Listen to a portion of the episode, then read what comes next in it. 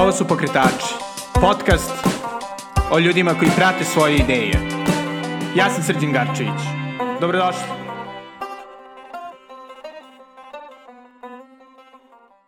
Dobrodošli u novu epizodu Pokretača.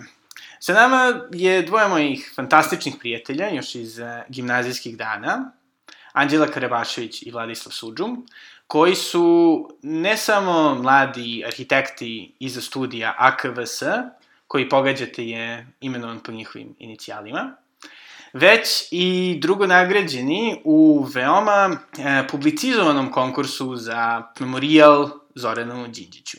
Dobrodošli, Anđela Vladislave. Hvala ti, Srki, da, da. hvala na pozivu. Kako sam blagosloven velikim brojem arhitekata u svom životu, među prijateljima, moje prvo pitanje je kako ste odlučili da u netoliko lakom okruženju Srbije pokrenete svoj arhitektonski studio? Pa nekako, mislim da je kod nas priča prilično spontano krenula. Imali smo, znaš, ono, kad diplomiraš pa imaš neki luft, ono, malo kao pustiš sebe da radiš sve i svašta i onda ćeš kao posle se uozbiljiš. I trebalo je diplomski da šaljem na konkurs za riba President's Medals u Londonu i kao da ga malo doradim preko leta. Tada sam bila prilično ne, nevična sa kompjuterskim programima i Photoshopom. Suđum, da odmah krenem da ga zovem suđum da to ovaj, prevaziđemo. E, mi je pritikao u pomoć i onda smo nekako zajedno to krenuli da radimo. E, ispostavilo se da prilično dobro komuniciramo u svemu tome i malo nakon toga smo uzeli da uradimo uh, konkurs za RTS uh, memorijal stradalim žrtvama NATO bombardovanja i ovaj, nekako smo razmišljali hajde da probamo, mladi smo, ako, mislim, najbolje je sada, pa ovaj, da uradimo deseta konkursa zajedno, ako ne uspe, onda ćemo razmišljati šta ćemo dalje, ako uspe, super. I desi se da taj konkurs dobijemo drugu nagradu, i to nam da ovaj, vetar u leđa da nastavimo dalje. I mogu da kažem da se nakon toga nekako sve prirodno nadovezivalo jedno na drugo, da ni u jednom trenutku nismo pomislili da li ili ne time dalje da se bavimo. Ono što je, što je super zanimljivo kod vas je zato što baš se bavite tim velikim memorialnim kompleksima i naravno ono u Jugoslaviji imamo tu veliku tradiciju sa onim socijalističkim spomenicima. Šta vas baš u tome privlači? Da, to je interesantno. Tako se pogodilo da smo dve nagrade dobili baš na konkursima za memorijale. Um, moj diplomski isto vezan za memorijal uh, Slobodište u Kruševcu Bogdana Bogdanovića. Ali to je sve, baš sam nešto ovaj, pre neki dan pričala, uh, neko je sličnu stvar konstatovao, sve se isto nekako slučajno desilo, možda je podsvesno ili ne. Nas dvoje smo dosta onako matematički orijentisani, sve nam je, logika nam je glavna u svemu što radimo i nekako poetičnost memorijala stvarno proizilazi iz te logike. I mo, baš sam razmišljala, možda je zato... Da. A Šta možda znam, to jednostavno uspeš. samo se više raspisuju konkursi za memorijale u Srbiji nego ovaj, za stanovanje ili pozorišta, vrtiće. Da, ne, ne bi Te nepotrebne stvari. da, te nepotrebne stvari. Sad ajde da malkice ovaj, da našim slušalcima objasnite otprilike kako je tačno stanje arhitekture u Srbiji kao mladi, relativno mali studio, na koji način čovek može da se ono izdržava i da kažem uspe. Pa ja bih rekla da je stanje prilično šareno, da možete da se bavite kada završite arhitekturu, možete da se bavite svima i svačime i da je prilično do vas koliko ste ovaj, sam, samo inicijativni da pokrenete nešto svoje ili da ovaj, uđete u neke korporativne vode, neke veće priče. Um, radi se sve, raspisuju se konkursi, manje se gradi mnogo nego ranije, bar je to neko naše iskustvo, ne znam, neko što se tiče tih privatnih poslova, nama se najčešće dešavaju rekonstrukcije stanova, privatni interijeri porodičnih ovaj, kuća. E, nekako su nam konkursi najdraži zato što je to prilika da, da budemo nekako u društvu vrhunskih eminentnih arhitekata i starijih i ovaj, da kažemo, da iskažemo naše mišljenje o našem gradu, a konkurs uvek ima, svake godine se nekoliko raspiše i to je svakako toplo preporučujemo budućim arhitektima ovaj, da, da se time bave. Da.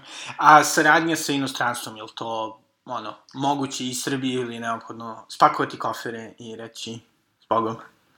Pa, mi definitivno do sada nismo razmišljali da idemo dalje ovaj, u inostranstvo, iako smo imali neke ponude, jer bar mi tako mislimo da najbitnije je ono što ti radiš, a ne gde se nalaziš. Da. I sad, zahvaljujući ovaj, internetu, medijama, svemu, ovaj, moguće baviti se od svoje kuće, a opet nekim ozbiljnim stvarima, jer ja smatram ovaj, i ovaj, ovu drugu nagradu što smo osvojili o, za spomenik Zoran Đinđiću, da je i to neka ozbiljna stvar, jer ipak to je spomenik koji će biti ko zna koliko vremena ovaj, u centru grada.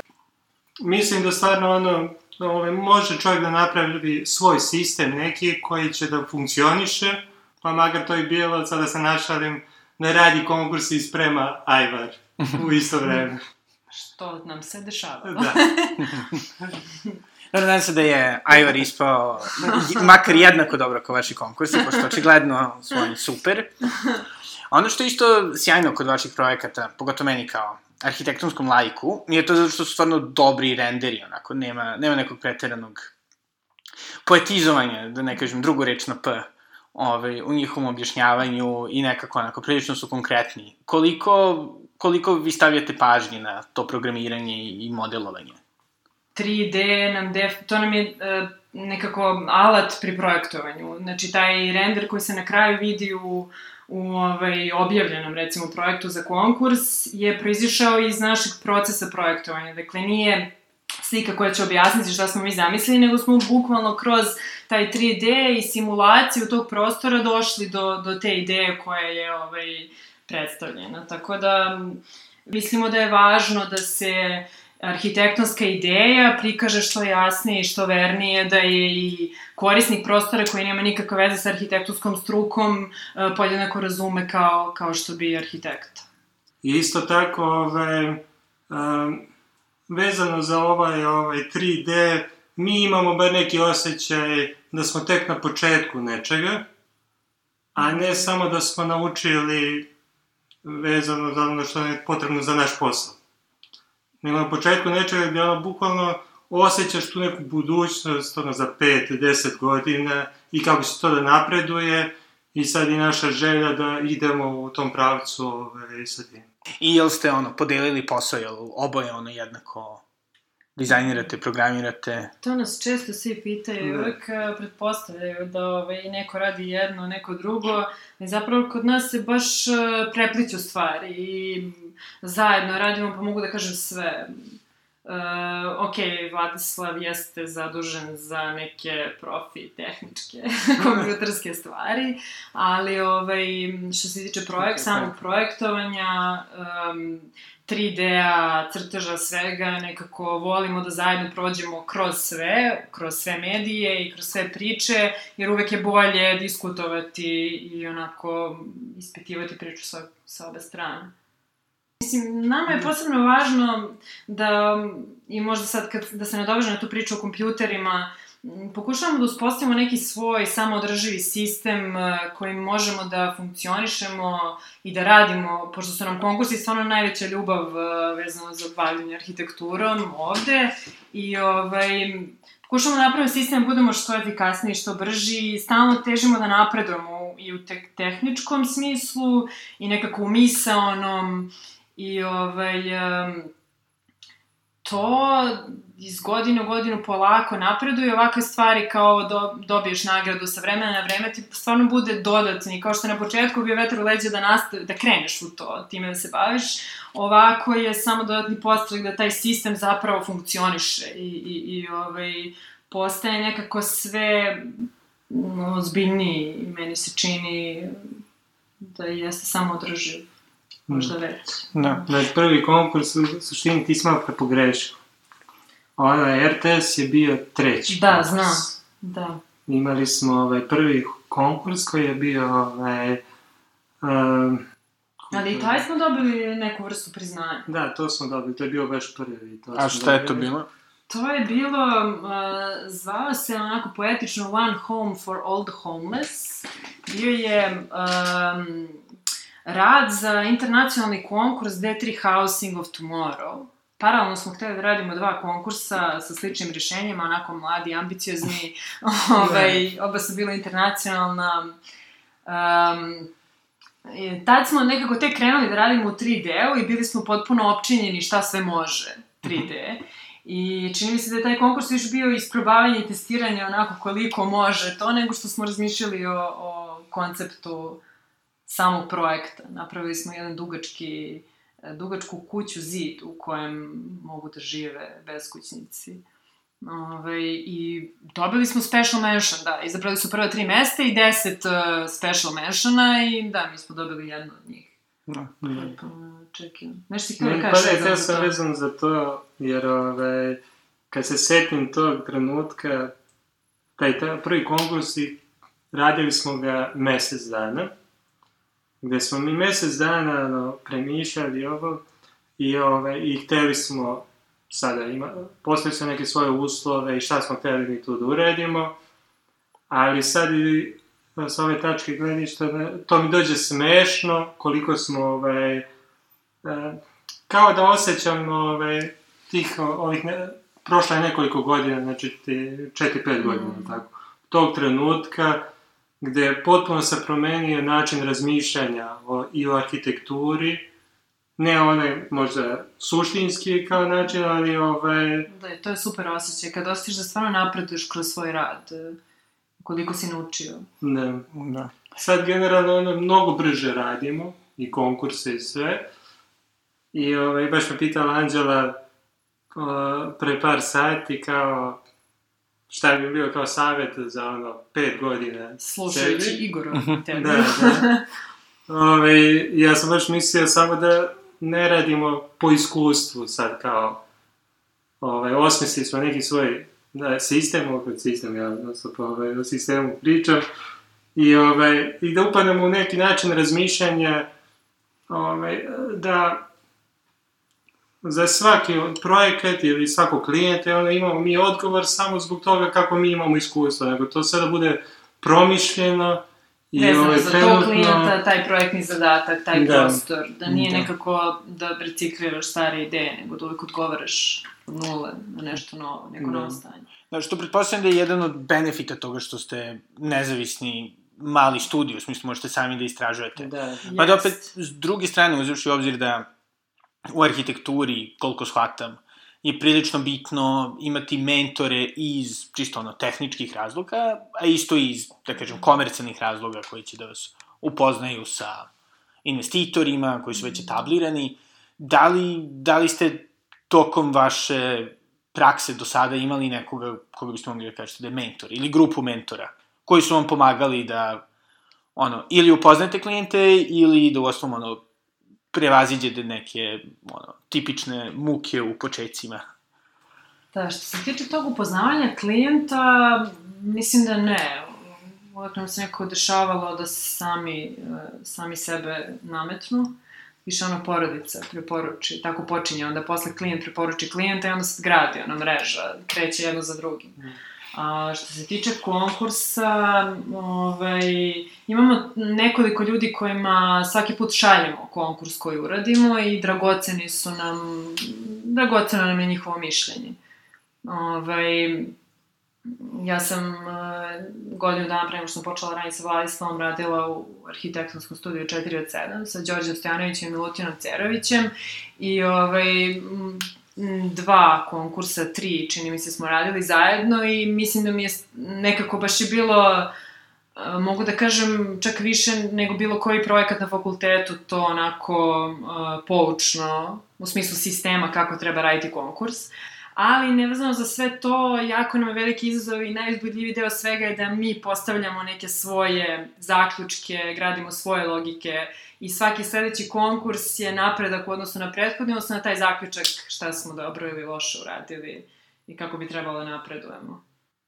Znači, uglavnom, ono, kao trial and error. Jeste, da. da. I to je mnogo zanimljivo. kako, kako je sredina reagovala kad se rekli mi ne želimo da se zaposlimo ni u jednom arhitektonskom studiju, sami ćemo da, da idemo? E, mislim da i dalje imamo ta pitanja kao da se zaposlite ili ponude čak za poslove. Čak smo imali jednu trenutku ponudu klijentkinje za koju radimo projekat za posao, nevezano za to što radimo. Ovaj, generalno, pa, paralelno su se dešavale stvari. Imali smo stvarno veliku podršku porodice i moje i suđumove. Um, u smislu pametna smo deca, sigurno znamo šta radimo.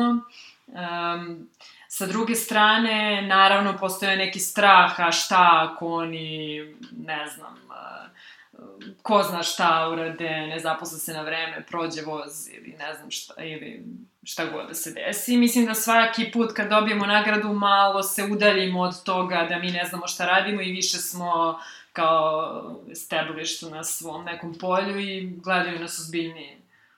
Tako da, šta znam, varira. Da, a sada, ono, jedan od, od pretpostavljam kao glavnih razloga zašto ljudi žele da uđe u arhitekturu je da vide sve delo završeno i da ga vide ono, uživo i da kažu da, to sam ja napravio. Koliko sam shvatio, vi trenutno imate par stvari koje se grade, jel, jel imate tu satisfakciju toga kao, ovo će jednom da bude ono, naše čedo u stvarnosti. Jeste, da, e, trenutno nam se grade četiri kućice u nizu u Crnoj Gori, u Radanovićima. Mi ovaj, volimo da se našemo, da kažem, da imamo četiri skraćena objekta.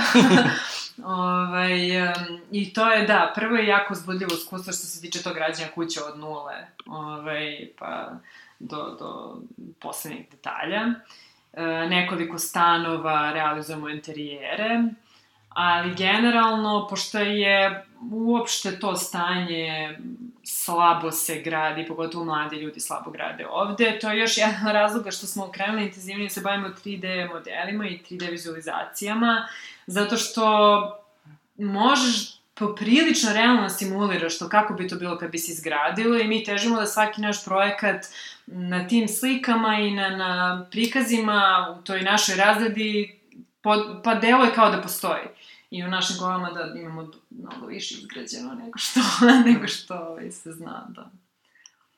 To je isto jedna moja kao vera da u budućnosti će više da se ceni ovaj, dobar projekat, nego sada što ti imaš nekog klijenta koji je izgradio nešto, baš ono što si spomenuo, naše čedo, to je izgrađeno, vidi sad postoji.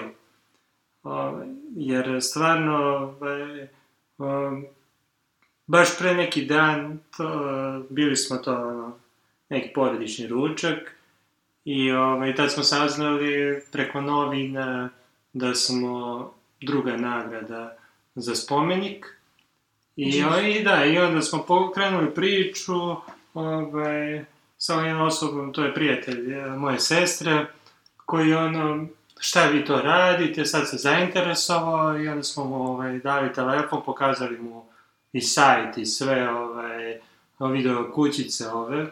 I onda je gledao ovaj deo gde, e, jer smo mi pokazali, to još nismo odjavili, naravno, naravno treba da idemo u Crnu Goru da slikamo sada finalne. Da, izgrađene. Da, ovaj, izgrađene. Pokazali smo mu 3D. E, pokazali smo mu 3D i neke slike što nam je ovaj klijent poslao tamo sa gradilišta. I ovaj, prvo smo pokazali te slike, onda smo posle pokazali 3D i on se zbunio, gledao te 3D i ono mislio da je to izgrađeno. I, ove, I to je na neki način, e, stvarno mislim da ove, će biti više pogotovo sada je ono sve filma i ovaj, na, virtualne realnosti. Da, virtualne realnosti, gde bukvalno čovek ono, može da oseti ceo prostor i mislim bilo šta da oseti, a to ne postoji. To će ove, i, i, i kroz taj ove, na taj način baš ono ljudi ovaj, da prihvate neke stvari, prihvate neke ideje koje mislim da su važnije od materijalnih stvari. Da. Znači, mislite da će ono da nekako shvate, da kažem tu ono, poetiku i priču i kroz taj, da će biti dovoljno verodostojni 3D modeli, da ko mogu da, pa, da imaju da. puno iskustvo. Mislim, nama je posebno važno uh, da to nije samo uh, 3D prikaz u smislu forme i zalepljene slike materijala, na primjer fotografija drveta ili nego težimo da simuliramo atmosferu doživljaja tog prostora. Dakle, to ide od e, različitih aspekata tog materijala, refleksije, refrakcije, teksture, sitne, sitne, sitne koji delovi odbijaju, prelamaju svetlost. Nekako um, kako se, ne znam, osvetljava taj prostor, uh, pa sad se nadamo da će to budućnosti ići i dalje, da ćemo doći, moći da prevaziđemo te vizualne stvari, da razgovaramo i o tome kako cirkuliš vazduh, da i to simuliramo klijentima, dakle kako cirkuliše vazduh, kako, koje su temperature u kući. E, taj atmosferski aspekt doživlje prostora je nama posebno važan i, to je ono što nas posebno ovaj, pokreće i, i, i inspiriše u razradi projekta, je to što stvarno možemo da simuliramo to i to testiramo kroz 3D. I tako nekako i nastaju naši projekti. To nam je mm. najvažnije. Malo je to, mislim, ljudi koji se ne bave ovaj, time, pa onda trenutno je situacija u arhitekturi, odnosno sa strane ove, ljudi koji prate arhitekturu, ove, da vide sliku. I slika kaže, na primjer, evo, za prvo rešenje, sada za ove, Zoran Đinđića, pitao me nađao šta mislim. Ja stvarno ne mogu ono, samo na osnovu jedne fotografije i ovaj, ne, da kažem šta. mislim, nekako potrebno mi je vreme, naravno, mi smo naš projekat radili dosta vremena, pa onda samo i to i zamišljamo, ne zamišljamo ništa drugo, što je logično, ali ovaj, ne mogu samo ovaj, da kažem, samo vidim i kažem, ovo, ovo mi bez veze, vidi šta je ovo, šta su ovo napravili, ovaj, potrebno je neko vreme da ovaj, se, mi se to i usadi u mene i ono i da osetim taj prostor i ovo i, i ovaj, možda ću i da razume, možda neću, to sad ne mogu da kažem. Koliko vidim, vi ste dosta fokusirani na, na projektovanje, na ideje. Međutim, stvar koju ljudi dosta često pominju kao relativno negativan deo posla arhitekta je odnos sa klijentima. Mm. Kako, kako to nalazite? Bivši da nemate, da kažem, neke ono, dosta starije mentore ili mentorke koji bi kao mogli da stanu između vas i klijenti da kažu ne, kao. Da, to nam je posebno interesantno. Klijent, svaki klijent je priča za sebe i um, u odnosu na, na tu osobu se čitav taj prostor nekako pravi i, i mnogo inspirativno, svaki sastanak su neke, neke nove informacije, nove parametri koji transformišu projekat i baš volimo da kroz seriju sastanaka radnih um, razvijemo projekat uh, u odnosu na reakcije klijenata. Čitave ove kućice za Crnu Goru su tako i nastavile svaka svaka odluka bila stimulisana od strane um, investitorke koja ima kuću odmah pored i koja zna kako se tu živi, zna kakvi su dani, kako je sunce u određeno doba dana, kako, da li, prosto ko ide na plažu, ko spava, da li nekome smeta kad neko kuva kafu odmah pored, da li neka soba mora da se izdvoji, da li se sunčaju, vole to se sunčaju da ne idu na... I, I sve su to stvarno dragocene informacije u razvijanju projekta, tako da I naravno izazovi. Svaki klijent dođe sa nekim svojim uh, željama, idejama, šta baš on želi tu da ima i sada neke stvari uh, su super, a neke stvari je potrebno njima objasniti da uh, zašto to ili nije dobro ili može da bude bolje. I vidimo kao to neku vrstu edukacije klijenata koji nisu u, u sferi arhitekture, o zapravo arhitekturi, o kvalitetnom prostoru. Meni je posebno ovaj, drag komentar jedne naše investitorke vezano za interijer stana koji smo radili uh, početkom ove godine. I sad nakon što je prošao čitav taj proces uh, ovaj, uh, i završen je stan potpuno sa sve nameštajem od rušenja zidova do izrade nameštaja oni žive u tom stanu već recimo mesec dana i mi se čujemo telefonom i ona ovaj, meni kaže um, ali znaš šta god da uradim u stanu ja se setim vaših reči uh, čist prostor, čist prostor, čist prostor, ne nagomilavam, sve lepo slažem, hoću da mi bude sve čisto, nema previše stvari nigde. I ja sam ono, u fazonu da, to je suština. Kad neko to tako nešto ovaj, zaključi iz rada sa nama, onda mislim da smo, da smo baš uspeli. Da. I da li mi se čini da je naše tržište prilično otvoreno prema ovaj, arhitektonskim sugestijama ili smo ono vučeni kao ono, investitorskom arhitekturom. Mislim što, što se uvek ono komično ilustruje sa, ne znam, lavićima i ovim, eh, ne znam, delfinima na ulazu ili su sada ljudi malkice otvoreniji za, za sugestije. Da. Da im kažete, ne znam, ono, nemojte da pravite ono, petu nadogradnju. ja mislim vezano za našu zemlju da je isti procenat u odnosu na druge zemlje. Ima i jednog i drugog. Da. Da.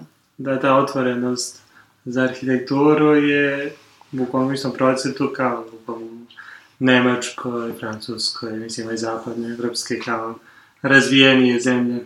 Naše iskustvo je stvarno da kada e, pokažeš kako to izgleda, pokažeš 3D, pokažeš primere, objasniš nekako logično zašto je nešto dobro, a zašto nešto ne treba da se uradi, da su dosta ljudi otvoreni da to razumeju. E, mislim da je mnogo gori pristup, e, ja sam arhitekt autor, ja to smislim i vi treba to da napravite. Mnogo je Od bolja... vaših para. Jeste, e, da, pogotovo. Mnogo je bolja ta interakcija, objasniti zašto, šta, kako i e, to je prilično uspešno ako se dovoljno potrudite. Bar je to do sada naše iskustvo. Mislim, skromno iskustvo. Da. Koji su vaši saveti ljudima koji hoće da pokrenu svoj biznis? Bilo u arhitekturi, bilo šire. Da, generalno, um, mislim da treba da zaborave na društvene obrazce i na to treba da se zaposliš, završiš faks, radiš u ovoj onoj firmi i da probaju da slede, uh, da prave neke svoje samostalne strategije. Mislim da smo svi mi različiti i svakome različite stvari odgovaraju i da u odnosu na to svako treba pravi neku svoju sobstvenu i poslovnu i životnu strategiju. Uh, sve ovo što mi sad radimo je proisteklo iz načina života kakav nam odgovara. Tako da, ovaj, definitivno savjet, ne slušajte ljude oko sebe, mislite svojim glavom. ovaj, da, i verujte sebi, bar dok ste ono u, u, u tom u tim 30. godinama kada možete sve i mladi ste, imate energije, 20. da vidim, gledaš me. 30. Upgradeovali smo da, se da, malo. Da, da, da. da. Što, što se nadovežem na Anđane ove reči, da svoj sistem moraš da razviješ.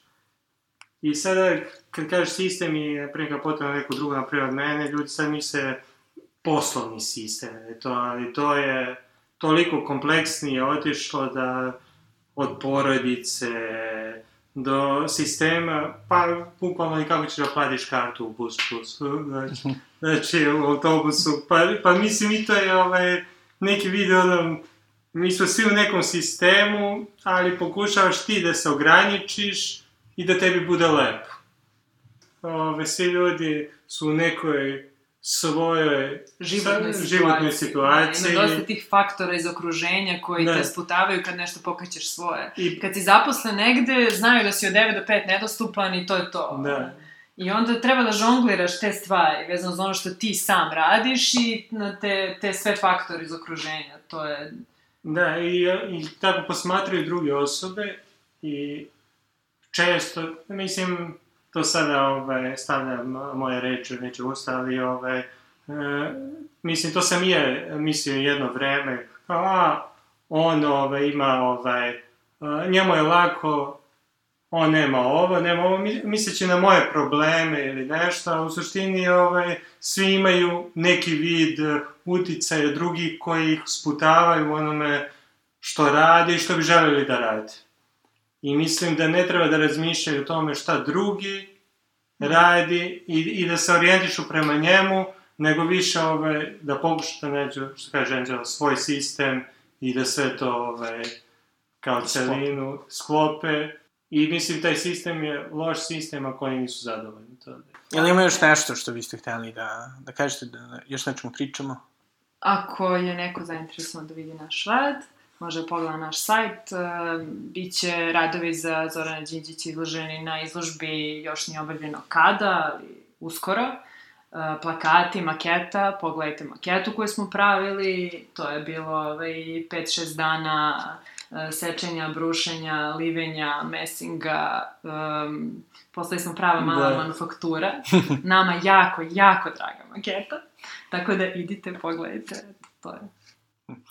Hvala puno, obavezno idite, pogledajte, takođe i obavezno pregledajte njihov web sajt i naravno unajmite ih jer su super. Da, tražimo klijente uvek, otvorene. 041 Da. AKVS su svakako otvoreni. Hvala puno što ste slušali i ako vam se sviđa, kliknite follow, like, share, šta god, jer to je i način da još ljudi čuje ovaj podcast. Hvala puno, doviđenja.